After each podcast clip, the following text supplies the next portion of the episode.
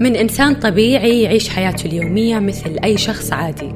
إلى إنسان مختلف متغير على الكل متغير حتى على نفسه. تفكيره غريب سلوكه مو مفهوم وقراراته ممكن تكون قاتلة. في هذا البودكاست راح نتكلم عن الأمراض النفسية اللي تصيبنا تاريخها تشخيصها علاجها وتعاملنا معها ومع الأشخاص المصابين فيها. بودكاست هذا مو أنا من روتانا أف إم معي أنا هيفا الحسن. حياكم الله مستمعينا في بودكاست هذا مو أنا. شكرا لكل من استمع لنا في حلقتنا السابقة. لا تنسون الاشتراك في البودكاست عشان يوصلكم حلقاتنا الجديدة أول بأول. كمان يمديكم تتابعونا على مواقع التواصل الاجتماعي من خلال حسابنا الموحد. روتانا أف إم بودكاست. في حلقتنا الثانية يسعدنا نستضيف الدكتور محمد اليوسف استشاري الطب النفسي واضطرابات المزاج كالاكتئاب والقلق. مساك الله بالخير دكتور. مساء النور وشكرا على الاستضافة. حياك الله يا دكتور ونورتنا. الله يسلمك شكرا. دكتور نبغى نسولف شوية أكثر عن القلق الاجتماعي. لو تعطينا نبذة مختصرة وفكرة عن هذا الاضطراب آه هو واحد من اضطرابات القلق المصنفة حسب ال DSM 5 اللي هو الإحصائيات أو الدليل الإحصائي والتوثيقي للإضطرابات النفسية المعتمد في أمريكا الشمالية. وهذا معتمد في أغلب دول العالم من بينها السعودية طبعا. فالقلق الاجتماعي المثال الواضح عليه هو الشخص اللي لما يكون في مناسبة اجتماعية خصوصا مناسبة رسمية يظهر عليه نوع من التوتر والقلق من إنه يرتكب خطأ معين آه، يرتبك فيلاحظون الآخرين هذا الارتباك بشكل واضح. ويظهر عنده أعراض آه، فسيولوجية جسدية من بينها الخفقان آه، رعشة اليدين التعرق نشفان الريق أو الفم الاحمرار الوجه أحيانا. فتكون تركيزه جدا على هذه الأعراض اللي تظهر في الجسد ويبدأ يخاف إنه الناس اللي حواليه يلاحظونها عليه خصوصا في مناسبة اجتماعية. أو يخاف إنه ينتقد. آه، منهم أو يتم مثلا السخرية فيه أو الاستهزاء منه. فيكون هذا هو الهاجس الرئيسي لمريض القلق الاجتماعي. و... ويبدأ ممكن يتجنب المناسبات هذه فيبدأ يعتذر عن مناسبات مهمة يبرر بعدم الحضور ويكون السبب زي ما قلت لك الخافي داخله. هو هذه المعاناة النفسية الخفية اللي عادة الشخص هو اللي يعاني منها. ممكن جدا الناس الآخرين ما يلاحظونها عليه. فيكون بس هو فكرة مصورها أنه الناس راح تحكم علي عشان كذا يبطل يطلع مع الناس ويروح ويجي. إي يكون عنده هاجس قوي من حكم الناس عليه وخصوصا الحكم السلبي يتحسس جدا من النقد أو السخرية آه عدد كبير منهم عندهم الشخصية الكمالية الباحث عن الكمال فما يبغى مثلا آه، يغلط ما يبغى يقع في أي خطأ فإنه أي خطأ ممكن يعرض لنوع من الاستهزاء والسخرية من الآخرين. جميل. طيب دكتور يعني حابة أسألك سؤال في انفعال طبيعي مثلا لما نقدم عرض تقديمي برزنتيشن أو لما يكون في مقابلة وظيفية هذه المقابلة يعني تحدد مصيرنا المهني والوظيفي. هنا أغلبنا كذا نحس برهبة توتر خجل وقلق طبيعي. متى يكون الخجل يكون غير طبيعي أو القلق غير طبيعي؟ إيه هذا السؤال جدا مهم آه ويهم شريحة كبيرة من المجتمع. آه، في أكثر من سمة أو صفة تحدد حتى نقول إنه هذا الخجل طبيعي ولا دخل في المرضي ويحتاج لزيارة العيادة النفسية. أول سمة هل هذا القلق أو التوتر يؤدي إلى التجنب؟ يعني بسببه يبدأ الشخص آه، مثلا يعتذر ويبرر وما يحضر المقابلات آه، ما يقدم برزنتيشن فرضا في الجامعة ما يروح لعزومات كبيرة أو مناسبات كبيرة زي زواجات أو مناسبات رسمية. فإذا بدأ يتجنب الحضور من الأساس أو يهرب بعد فترة بسيطة يعني يحضر فرضا لمكان العمل وبعدين لما يكتشف إن العدد اللي حيكون في الميتينج فرضا عشرة وأكثر فحيكون اجتماع كبير وعدد كبير معرض هو للحكم منهم معرضة شخصيته للانتقاد معرض للسخرية معرض لنوع من الاستهزاء فيبدأ ممكن آه، يعني يهرب من الموقف هذا. فإذا الهروب أو التجنب علامة على أنه مو خجل طبيعي لا دخلنا في المرحلة المرضية. الجانب الثاني اللي يحدد الحالة المرضية هو طول مدة المعاناة من الأعراض. أوكي. بالعادة الخجل الطبيعي كلنا أول خمس إلى عشر دقائق من مواجهة مثلا اجتماع رسمي PowerPoint presentation يكون الشخص نوعا ما مرتبك آه، حريص جدا آه، خايف إنه يغلط في البداية أيه. فهالغلطه اللي بالبداية ممكن تخرب عليه النهاية مثلا صح. فهذه تحصل آه، يعتبر خمس إلى عشر دقائق مسموح فيها زي ما نقول جس نبض. يعني لحد ما الشخص يدخل في ال mood تبع المناسبة أو الاجتماع الرسمي. إذا تخطى العشر دقائق هنا ندخل في الرهاب الاجتماعي أو القلق الاجتماعي اللي هي أعراض مستمرة طول ما هو موجود في هذا المكان أو في هذا الميتينج. فيضطر بعض الأشخاص مثلا أنه يعتذر أو يبرر بأي سبب حتى يخرج من الاجتماع. أنا شفت مر علي نماذج مثلا كانوا في شركات كبيرة وكان عندهم فرص مثلا إنه يترقى وظائف أعلى بس تحتاج هذه الوظائف الأعلى ال PowerPoint presentation تقديم قدام مجموعة كبيرة. تحتاج إلى مهارات آه، تقديم معينة.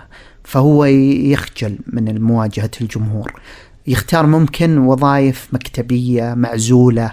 فطبعا عادة الوظائف المكتبية والمعزولة تكون أقل grade أقل راتب في العادة يعني. آه، غالبا إذا تحتاج ابجريد أو تطمح عندك طموح أعلى لازم تواجه جمهور لازم تواجه آه، مثلا نوع من الانتقاد آه، أحيانا تواجه انتقاد من المدير نفسه. يكون هو أحيانا يختبرك. هل أنت م. تتقبل هالشيء؟ هل تقدر أنك تحسن من مواصفاتك الوظيفية؟ فالناس اللي عندهم قلق اجتماعي في العادة يفقدون هذه الفرص في تطوير أنفسهم وتطوير وظائفهم. جميل. طيب دكتور كمان أحيانا في أعراض معينة مثلا الأم أو المدرسة في المدرسة أو المعلم أعراض ينتبه للطلاب أو الأم تنتبه لعيالها أو الأب. في أعراض معينة لازم ينتبه لهم غير إنهم يتهربون من من الاجتماعات والمناسبات الاجتماعية؟ اي هنا لازم نتكلم عن السيستم حق العائلة. كل ما كانت مترابطة العائلة م. كل ما كان أسهل إنهم يلاحظون على بعض لأنه في نوع من المشاركة الوجدانية بينهم. فتكون مثلا الأخت تحن على أختها اللي أصغر منها وعارفة إنه هذه مو أختي مثلا. أو متغيرة. أو إي أو الأخوان ما بينهم. آه، فهذه المشاركة طبعا إذا العائلة متماسكة وفي بينهم آه، مصارحة ويعني أشياء مشتركة كثيرة آه راح يلاحظون إنه مثلا ما عاد هو باجتماعي زي أول آه ما صار يطلع معنا الطلعات العادية. لأنه القلق الاجتماعي وهذه مرة مهمة ترى المستمعين إنه في عمر معين بالعادة يظهر فيه. يعني هو عادة يظهر في عمر ما فوق العشرين سنة. قبل كذا يكون الشخص زي ما نقول آه، منطلق في الحياة آه، مو منتبه لنفسه. فما تظهر الأعراض هذه كثير عند الصغار. لكنها تظهر أكثر مع مع العشرينات. عمر العشرينات أيوة. طيب دكتور هل يعني هو أكثر في جنس معين يعني سيدات أكثر عن الرجال أو أه حسب الدراسات والأبحاث في تساوي ما بينهم ما نقدر نقول إنه الرجال يصابون أكثر. الكفتين متساوية لكن الحضور للعيادة في دراسات كثيرة تقول إنه البنات عادة ما يتحرجون من إنهم يجون للعيادة النفسية قد ما يتحرج الشباب. يمكن السبب في كذا حسب أيضا بعض الدراسات والأبحاث. هذا مو رأي شخصي وإنما بعد اطلاع على مجموعة من الدراسات إن الأولاد أحيانا يعالجون أنفسهم أكثر من البنات باللجوء مثلا لتعاطي بعض المواد المخدرات. يقول لك عشان أتشجع أكثر عشان ما أصير آه، أخجل بزيادة وأستحي. هو يعتقد إنه هذا مجرد حياة. هذا الحل. اي ويعتقد إنه مجرد حياة ما هو مرض يعني يحتاج علاج. فممكن يلجؤون بعضهم للشراب للحشيش أشياء طرق ثانية. ممكن يلجأ إنه ما عاد يحضر أي اجتماعات و... ويسافر أو ينعزل. أنت قلت قبل شوي إنه أكثر العمر يكون في عمر العشرينيات. هل الشخص ممكن ينولد بهذا الاضطراب أو هل ممكن يكون سلوك مكتسب؟ آه هو الصراحة اثنين مع بعض لأنه ال ال بالعادة القلق بشكل عام الأهل لهم دور في تعزيزه. فعادة شلون الشخص يولد بقابلية للتوتر والقلق. بعد كذا الأهل إما أنهم يعززون هذه القابلية اللي موجودة في جيناته أو أنهم يحولونها إلى صفة متنحية في علم الوراثة. تسمى إما صفة سائدة أو, أو متنحية طيب كيف يعززونه؟ يعززونه لو أصلا الطفل عنده قابلية للقلق والتوتر والانعزال ووجد في عائلة آه، تخوفه بزيادة. آه. فانتبه لا تطلع ترى الناس مو كويسين ممكن يصير لك شيء. فهنا يتعزز عنده الخوف والقلق ينزرع بزيادة عنده. العكس لو كانت عائلة مشجعة ما هي اوب overprotective ما نقول يعني ما عندهم حماية زياده إيه؟ لا بالعكس يقولون له آه، روح شوف الناس ترى حلو إنك تتعرف على أصدقاء جدد ترى لازم تاخذ risk آه إذا تبغى تتعرف على طلاب في المدرسة. لا تنتظر أحد يجي يسلم عليك أنت, أنت روح بادر okay. آه لا تنتظر الناس تبتسم لك أنت ابتسم لهم. فأنت إذا ابتسمت راح يبتسمون لك. تمام؟ إلا إذا عاد إذا هو حالة نفسية مستعصية هذا موضوع ثاني يعني. آه إيه؟ فبالعادة هذا اللي يحصل إنه لازم الشخص يبادر وياخذ ريسك عادة مخاطرة بسيطة حتى يكون علاقات اجتماعية جيدة. حلو. بس كمان تختلف يعني مستويات الراحة في المواقف الاجتماعية يعني اعتمادا على الشخصية وعلى تجاربه الحياتية. في ناس متحفظين يستحون وفي ناس لا يعني أكثر انفتاحا فهل له علاقة بشخصية معينة؟ اي سؤال جميل جدا هذا آه، حسب الدراسات في شخصيات أكثر عرضة للإصابة بالقلق الاجتماعي منها مثلا اللي نسميها الشخصية التجنبية م. الشخصية التجنبية المقصود فيها الشخصيات الحساسة جدا اللي تخاف من الرفض فيحتاج دائما إلى نوع من التطمين إنه الشخص هذا آه، يعني عنده قابلية وحاب إنه يطلع معاه مثلا أو فهذه هذه الشخصية عادة يكون عندهم ضعف في تقدير الذات في الثقة بالنفس فيكون آه، زي هذول حساسين جدا لأي نقد أي نوع من النقد يأثر عليهم. يكون عندهم عطش وتعطش لتقبل الناس وللثناء. أو المدح م. بشكل مبالغ فيه فطبعا الشخص اللي يكون متعطش جدا للمدح والثناء يكون أحيانا أي نوع من النقد لو نقد بسيط يكسره فيعني بالعامية هذول مثلا آه، اللي نسميهم المهايطية أيه. تلقى مثلا شخصية في السوشيال ميديا أو كذا هياط بزيادة وعلى طول من النوع هذه. قد يكون هذا نوع من التعويض عن آه، ضعف تقدير الذات ضعف الثقة بالنفس يكون جدا حساس للنقد ويتأثر به ويصاب بالقلق الاجتماعي. ممكن بعضهم يتخفى تحت أسماء مستعارة مثلا أو حتى يلغي الحساب حقه حتى يهرب من من النقد والسخرية. طيب دكتور خلينا نفترض أنه في شخصيتين توأم عاشوا بنفس البيئة تلقوا نفس التعليم أحدهم جاله هذا الاضطراب والآخر لا مع أنهم اثنينهم توأم. إيش هي الأسباب؟ أه هنا هنا نتكلم عن دور أكثر اللي هي الجينات. دور الجينات آه، تأثر طبعا. القابلية هل في قابلية آه، موجودة عند واحد من الأطفال هذولي أكثر من الثاني؟ هذا وارد.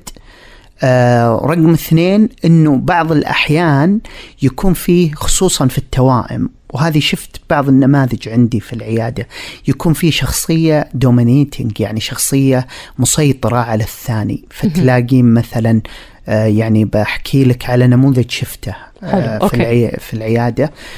الأم كانت مثلا تطلب من ال- من واحد من التوام يختار فيختار اللبس تقوم تلبس الثاني نفس اللبس. لازم يلبسون نفس اللبس آه، غالبا الأكل يختارون نفس الأ- الأكل. فبدأ واحد منهم يصير زي ما نقول ينطوي تحت جناح اخوه التوأم اللي أقوى شخصية منه وأكثر ثقة بالنفس. فطبعا الشخصية الأقل آه، ثقة بالنفس يصيبها أو تكون متعرضة أكثر للقلق الاجتماعي. يصير يلبس زي ما قلت لك يعني نمطي يلبس زي أخوه ياكل زي أخوه يختار الأماكن نفسها اللي يروح لها أخوها. وبالنهاية نفسيا آه، يعني تذوب شخصيته وينطوي تحت جناحين الأخ التوأم هذا. فإحنا دائما ننصح نفسيا نقول حتى لو في توأم إيه. الأفضل إنهم ما يلبسون مثل بعض ما يأكلون مثل بعض بقدر الإمكان يكون الكل واحد منهم شخصيته المستقلة يعطى نوع من الحرية في الاختيار حتى تتكون شخصيته بشكل سليم وصحي. والله العظيم هذه نصيحة يعني جميلة جدا دكتور. لل يعني للأمهات والآباء لأنهم يفضلون خلاص توأم خلينا نلبسهم نفس اللبس إيه لأن. أسهل المسألة عندهم. هو أسهل وخلاص يكونون مبسوطين بس فعلا يعني نصيحة حلوة. ممكن أسهل وممكن برضو أتوقع بعض المناسبات تحب الأم مثلا إنهم يقولون لها كيف. تفرقين بينهم أي كيف عرفتي إنه هذا فلان تقول لك فلان؟ إحساس الأم. صح. بس هنا إحنا نتكلم عن مستقبل الأولاد بعدين. حلو. طيب دكتور ال ال يعني لنفترض اثنين التوأم مو الشخص اللي مو اللي شخصيته قوية الثاني إيش شعوره؟ هل يحس إنه بالشعور ولا أحيانا يكون في هذا المشاعر المختلطة يبغى يبدي راية بس خايف هو عادة يبدأ يلاحظ المشكلة لاحقا يعني. م. بعد ما يوصل عادة العمر مراهقة يبدأ يلاحظ لأنه في في المراهقة آه، هي عمر عادة تكوين الهوية آه، النفسية والتكوين الشخصية. فيبدأ يلاحظ أنه لا أنا يمكن ما ما صار عندي مبادرة بسبب أنه آه، كنت أتكل كثير على أخوي. آه، ممكن بعض خيارات أخوي اللي اتكلت عليها مو هذا أنا أو ما تناسبني. فيبدأ يلاحظ هذه لاحقا. وبعضهم عليه. يحتاج بعضهم مو كلهم بس بعضهم يحتاج سايكوثيرابي علاج نفسي تعزيزي تعزيز للثقة بالنفس آه، تعزيز لبعض الأشياء اللي قد يكون فقدها. طيب دكتور هل في عوامل تزيد من الإصابة بهذا الاضطراب القلق الاجتماعي؟ آه، في عاملين موجودة في الأسر عادة اللي آه، أولادهم يصابون بالرهاب الاجتماعي. العامل الأول الحماية الزايدة. إذا كان أحد الأبوين عنده حماية زايدة يعني يخوفهم بزيادة ويحذرهم من التواصل مع الآخرين لأي سبب كان. السبب العامل الثاني آه إنه يكون في أحد الأبوين ججمنتال يعني سريع يحكم. الأحكام مم. سريع الانتقاد فممكن ينتقد الأولاد على طريقة لبس على طريقة كلام معينة على حتى طريقة حركة معينة فطبعا هذول يكونوا معرضين بعدين أنهم يصيرون يركزون على أنفسهم بزيادة عشان لا أحد إيه. ينقدهم أو بالضبط ينتقدهم فيفقد اللحظة اللي مفروض يكون مستمتع فيها مستمتع بالكلام مع الآخرين مشاركتهم بعض الهوايات. هو المف... بدل ما يستمتع قاعد يركز أكثر على تصرفاته وعلى حركاته خوفا من النقد والاست... والسخرية به.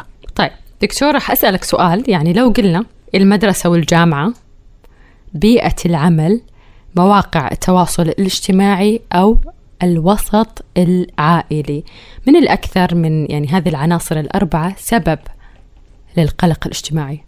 لا كذا صعبتيها لازم تعيدين. حرف إجابتين؟ تعيد- تعيدين الخيارات. أوكي. المدرسة والجامعة بيئة العمل مواقع التواصل الاجتماعي أم يعني العائلة الوسط العائلي؟ هو أكثر من عامل. بقول أنه البيت هو الحاضنة الأساسية. اللي هي اللي تبين إذا الشخص هذا معرض أكثر من غيره للقلق الاجتماعي العوامل اللي ذكرتها لك. العامل الثاني ممكن العمل بيئة العمل بالعادة يظهر فيها الأعراض بشكل أوضح. يعني ممكن أشخاص كثير ما يبان عليهم أعراض القلق الاجتماعي إلا لما يتعرضون للنقد داخل بيئة العمل. أو حتى النوع من التنمر وهو الأسوأ طبعا. فإذا كان ما يتحمل نوع من النقد البسيط أو السخرية البسيطة فمن باب أولى أنه التنمر راح يكسره تماما. فهذولي بالعادة بيئة العمل تكون هي أول ظهور للأعراض بالعادة. فمو all of the above two of the two. فقلنا يعني العائلة وبعدين العمل ومواقع التواصل الاجتماعي. مواقع التواصل شوف هي حاجة جديدة بالنسبة لنا م. فإحنا كأطباء نفسيين قاعدين الآن نستفيد أحيانا من مواقع التواصل الاجتماعي في فهم بعض الشخصيات اللي ممكن ما تظهر في آه، زي ما نقول في المجتمع آه، العام أو تخاف تكشف عن يعني شخصيتها نعم. صح؟ بالضبط تخفون تحت نيك نيمز تحت أسماء مستعارة بعضهم قد يكونون عندهم الشخصيات الهستيرية اللي هي تبحث عن الأضواء على طول تبحث م. عن لفت الانتباه الترند أو مثلا الشخصيات النرجسية اللي هو الشخص اللي يعتقد إنه لازم فرضا يكون كل الجمهور مبسوط منه راضي عنه دائما يمدحه فهذولي ما عندهم آه، سياسة أو فكرة أنه ترى ممكن البعض يحبك والبعض ما ما يحب عملك وهذا يعني. هو حال الدنيا أصلا. بالضبط. ما ما يمكن الناس تتفق م. على شخص. فعادي خصوصا الناس اللي تقدم في الإعلام أو تظهر في السوشيال ميديا لازم يكون فيه آه، أحيانا آه، تعليقات راضية وتعليقات فيها نوع من الانتقاد. فإذا ما يتحمل هذه أكيد راح يتخبى تحت. اسم مستعار آه، من باب إنه ما يتأثر لكن أنا عندي لهم مفاجأة. إيش؟ إنه حتى لو كان تحت اسم مستعار بيتأثر نفسيا. لأنه في الأخير هو عارف إنه هذا هذا أنا وهذا هذه إنتاجيتي هذا طرحي آه هذه ثقافتي. فبالتالي حتى لو كان يتخبى تحت اسم مستعار للأسف البالون هذا حيستمر في التضخم التضخم وبعدين حيجي وقت أو يوم ينفجر البالون هذا بشكل أعراض نفسية شديدة إما اكتئاب أو قلق شديد ويؤدي إلى صعوبات. فنصيحتي لهم أنهم يبدون من اليوم في العناية بصحتهم النفسية والعقلية. وخلك على طبيعتك. كل ما تكون على طبيعتك أفضل طبعا. الاضطراب عند الأطفال. البالغين ممكن يتجنبون الأمور اللي تسبب لهم القلق يعني يتجنبون المناسبات الاجتماعية المواقف اللي ممكن تسبب لهم عدم الراحة. كيف هو الوضع مع الأطفال؟ وإيش هي الأمور اللي الوالدين لازم يركزون عليها عشان يعرفون أنه ابنهم أو بنتهم يعاني من القلق الاجتماعي؟ لازم نحط في بالنا أنه الأطفال عادة خصوصا العمر الصغير يعني نتكلم عن بدايات المدرسة. يكون آه، الذكاء اللفظي عندهم ما تكون بشكل كامل تعبيرهم عن أنفسهم لفظيا أقل من غيرهم. فبالتالي الطفل يعبر عن نفسه بالحركة أكثر بالسلوك أكثر. فبعضهم ممكن القلق آه، يظهر عند الأطفال بشكل حركة زايدة. يحصل أحيانا خطأ في التشخيص فيشخصون باضطراب فرط الحركة بينما هو يكون يعاني من القلق. وأول ما يدخلون آه، ضيوف جدد ممكن ما يقدر يجلس في الغرفة فيركض المكان ثاني. يكون هذا تعبير عن قلق مواجهة الناس. آه، تكون بدايات هذه علامة أنه قد يكون عنده نوع من القلق أو الخجل الاجتماعي اللي أثر عليه بعدين. فهو الأعراض شكل الأعراض يختلف. هي موجودة عند الكبار والصغار بس طريقة تعبير الأطفال عنها تفرق. تكون بالحركة أكثر من الكلام. بخصوص التنمر. يعني هل ممكن الناس اللي تعرضوا لتجارب سلبية كمضايقات تنمر رفض أو سخرية أنهم يكونون أكثر عرضة لاضطراب القلق الاجتماعي؟ آه هنا عندنا جانبين. آه في شخصيات تتقبل النقد أكثر من غيرها. فهذولي حتى لو تعرضوا للتنمر أوكي؟ طبعا راح يؤذيهم لأن التنمر إحنا ما نتكلم عن نقد في فرق. التنمر معناها مجموعة من الأشخاص مستقصدين شخص معين أو آه يمررون رسائل معينة لتحطيمه. القصد منها واضح أنه ما يستمر في عمل معين أو أو نوع من تكسير المجاديف مثل ما نقول تكسير الثقة بالنفس فيختلف. كل ما كان البناء النفسي عند الشخص أقوى كل ما كان زي الدرع الواقي يحميه من التأثير النفسي للتنمر. فيكون تأثيره مؤقت ممكن في لحظتها أو لفترات معينة لكن فترات قصيرة لكن ما يأثر عليه على مدى طويل. طيب وش العامل الحاسم في تأثير التنمر؟ هل هو يدوم ولا لا؟ العامل الحاسم هنا هو العمر. إذا كان اللي متعرض للتنمر طفل فممكن أنه آثاره للأسف تستمر معاه طول عمره خصوصا إذا كان تنمر في البيت بينما أو في المدرسة. لكن البيت أشد طبعا لأنه البيت الطفل يعتبر هذا الأمان حقي. صح. فلو حصل العكس طبعا حتكون مصيبة على أي طفل. فيتعرضون للاكتئاب المزمن يتعرضون مثلا لل PTSD اللي هي أعراض ما بعد الصدمة traumas معينة. آه الكبير بالعادة يكون آه أكثر احتياطا وأكثر حصانة ضد مثل هذه الأشياء. لما نتكلم عن القلق الاجتماعي تحديدا العادة اللي عندهم قلق اجتماعي مو السبب اللي يجيبهم للعيادة التنمر أبدا. غالبا السبب. إنه السبب هو العزلة اللي تسبب لهم آه اكتئاب بعد كذا. يجيهم اكتئاب بسبب إنه مو قادر يمارس مثلا نشاطات طبيعية يطلع يشوف الناس يختلط بهم آه يروح يمارس هوايات فرضا في استراحات ألعاب معينة كله بسبب هذا القلق المقيد له. فبعد فترة العزلة هذه قد تسبب له اكتئاب وتوديه للعيادة النفسية. دكتور كلمنا عن آه، فوبيا الارتباط وهل فعلا لها علاقة بالقلق الاجتماعي؟ آه هي لا حاجة مختلفة عن القلق الاجتماعي آه بس إيش بعض الناس مثلا وقت مناسبة كبيرة زي مناسبة الزواج يكون عنده توتر من انه مثلا يجلس على الكوشة استقبال ضيوف كثير. يعتبر هذا موقف ضاغط عليه وممكن يظهر أعراض القلق الاجتماعي. لكن فوبيا الارتباط المقصود فيها الناس اللي يتخوفون من مسؤوليات الزواج مسؤوليات الارتباط آه، فبالتالي ممكن يأجل الزواج كثير أو حتى يلغيه بسبب الخوف هذا. طب فرضا دكتور أحد يعني من المستمعين قاعد يسمع البودكاست الحين واكتشف إنه في هذه الأعراض اللي قبل شوي قلتها حق القلق الاجتماعي متى لازم يروح للمستشفى وللطبيب ومتى لا يقدر يعني يتكيف ويقلل من هذه الأعراض من نفسه؟ طيب أنا بقول لك على وضعين آه واحد منهم مثالي والثاني واقعي فعلي. ببدأ بالواقع الواقع إنه اللي أشوفه في عيادتي أغلب الناس ما يجي لعلاج القلق الاجتماعي يجي بعد ما يصابون بالاكتئاب. آه بعد ما يخسر فرص وظيفية فرضا يخسر بعض الأشياء فيصاب بعد فترة بالاكتئاب.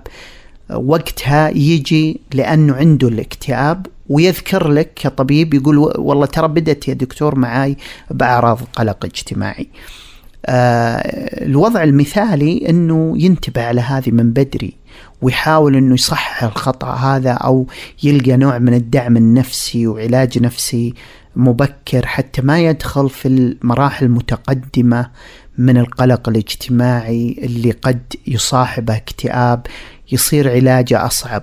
مو مستحيل أكيد في علاج بإذن الله ويتعالج لكن كل ما تأخر الوقت كل ما كان أصعب علاجه. وإيش دكتور العلاج؟ هل في علاج سلوكي دوائي؟ العلاجات اللي تساعد المريض إنه يرجع ثقته بنفسه. في جانبين من العلاج، العلاج الأساسي للقلق الاجتماعي هو علاج الجلسات. آه، خصوصا نوع من العلاج اسمه العلاج المعرفي السلوكي أو العلاج التحليل النفسي. النوع الثاني اللي هو دمج الأدوية هذه نستخدمها مع الناس اللي يكون أصيب بالاكتئاب مع القلق فيحتاج أدوية اكتئاب آه، مثبطات آه، امتصاص السيروتونين مثلا. من أشهرها أدوية كثيرة من بينها البروزاك السيروكسات السيبراليكس مثلا. آه، فيه نوع اللي هو من القلق الاجتماعي يكون شديد جدا لدرجة يضطر الطبيب أنه يكتب أدوية لمرحلة معينة. يعني ياخذ الدواء لفترة معينة حتى يبدأ مفعول الجلسات العلاج النفسي. لأنه جلسات العلاج النفسي فعالة ولكن تاخذ وقت. فعادة ما يبدأ مفعولها إلا بعد فرضا الجلسة الرابعة أو الخامسة. نتكلم عن بعد شهر من الجلسات. إذا فرضنا أنه قاعد يسوي جلسة أسبوعيا فيظهر مفعولها بعد الجلسة الرابعة. يعني يحتاج شهر حتى يبدأ المفعول. بينما الأدوية تجيب نتيجة بعضها بشكل مباشر. بينما لما يستخدم الدواء يكون فعاليتها مباشرة. جميل. لنفترض أنه أحد المستمعين قال لا أنا ما راح أخذ الدواء أنا ما أحتاج. إيش هي المضاعفات اللي ممكن تصير لو ترك من غير علاج. أنت قلت دكتور اكتئاب بس هل في مضاعفات أخرى؟ لا سمح الله. يعتمد على طبيعة شخصيته. يعني فرضا إذا كان عنده قلق اجتماعي وهو من الشخصيات التجنبية فهذا ممكن يعيش أه، وحيد لفترة طويلة. أه، العوامل الاجتماعية ترى مرة مهمة لتحسين الصحة النفسية. إن الشخص يعني كمثال الفترة الصعبة اللي مرينا فيها وأقول مرينا لأن إن شاء الله إن خلاص بإذن الله جائحة كورونا يا رب إنه قاعدين إن شاء الله نطلع منها. يا لكن رب. كانت فترة صعبة ترى على الجميع. فأكثر شيء ساعد الناس إنهم المعاناة وحدة إن في مشاركة في المعاناة. فوجود المشاركة هذه إننا كلنا في مركب واحد وإن كلنا لازم نواجه التحدي مع بعض هذا ساعد ناس كثير نفسيا إنهم يطلعون من الأزمة. آه نفس الكلام هنا مشكلة القلق الاجتماعي إن في ناس كثير ممكن يعاني ويحس إنه وحيد في المعاناة هذه. فإنه يشوف ناس آخرين يعانون نفس معاناته ويشاركهم الدعم النفسي. هذه لها تأثير آه، عجيب وكبير جدا في التحسن.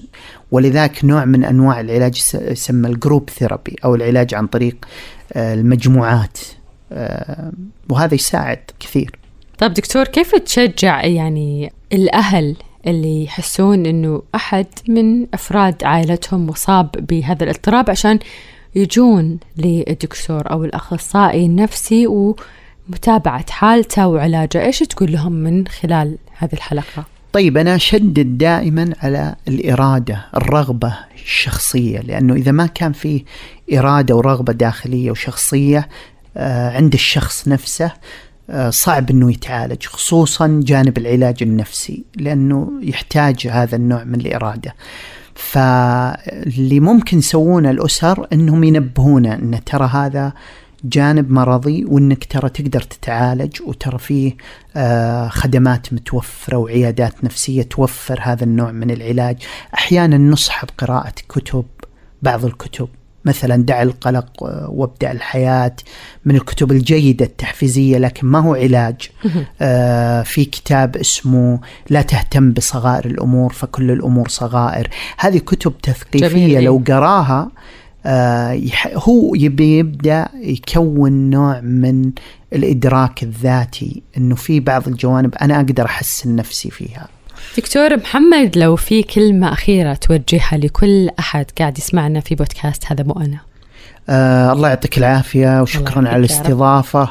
وأقول أنه الجميع يحتاجون يهتمون بصحتهم النفسية آه يمارسون الرياضة بانتظام لأنها تساعد على تحسين النفسية.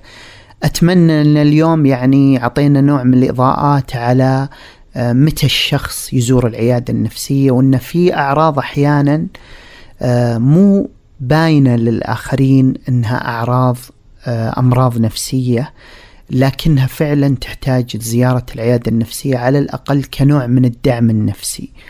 إن شاء الله أكون تكلمت وغطيت موضوع القلق الاجتماعي بشكل كويس. الله يعطيك العافية يا رب يا دكتور. مستمعينا كان معنا الدكتور محمد اليوسف استشاري الطب النفسي واضطرابات المزاج كالاكتئاب والقلق. في المواقف الاجتماعية اليومية اللي الكل يمارسها بأريحية أنا أحس العكس. أحس كل النظرات علي والناس مركزة معايا وجالسة تحكم بداخلها على كل شيء أسويه. نفسي أقضي هذه اللحظات بشكل طبيعي بس هذا مو أنا هذا القلق الاجتماعي. بودكاست هذا مو أنا من روتانا أف أم معاي أنا هيفا الحسن.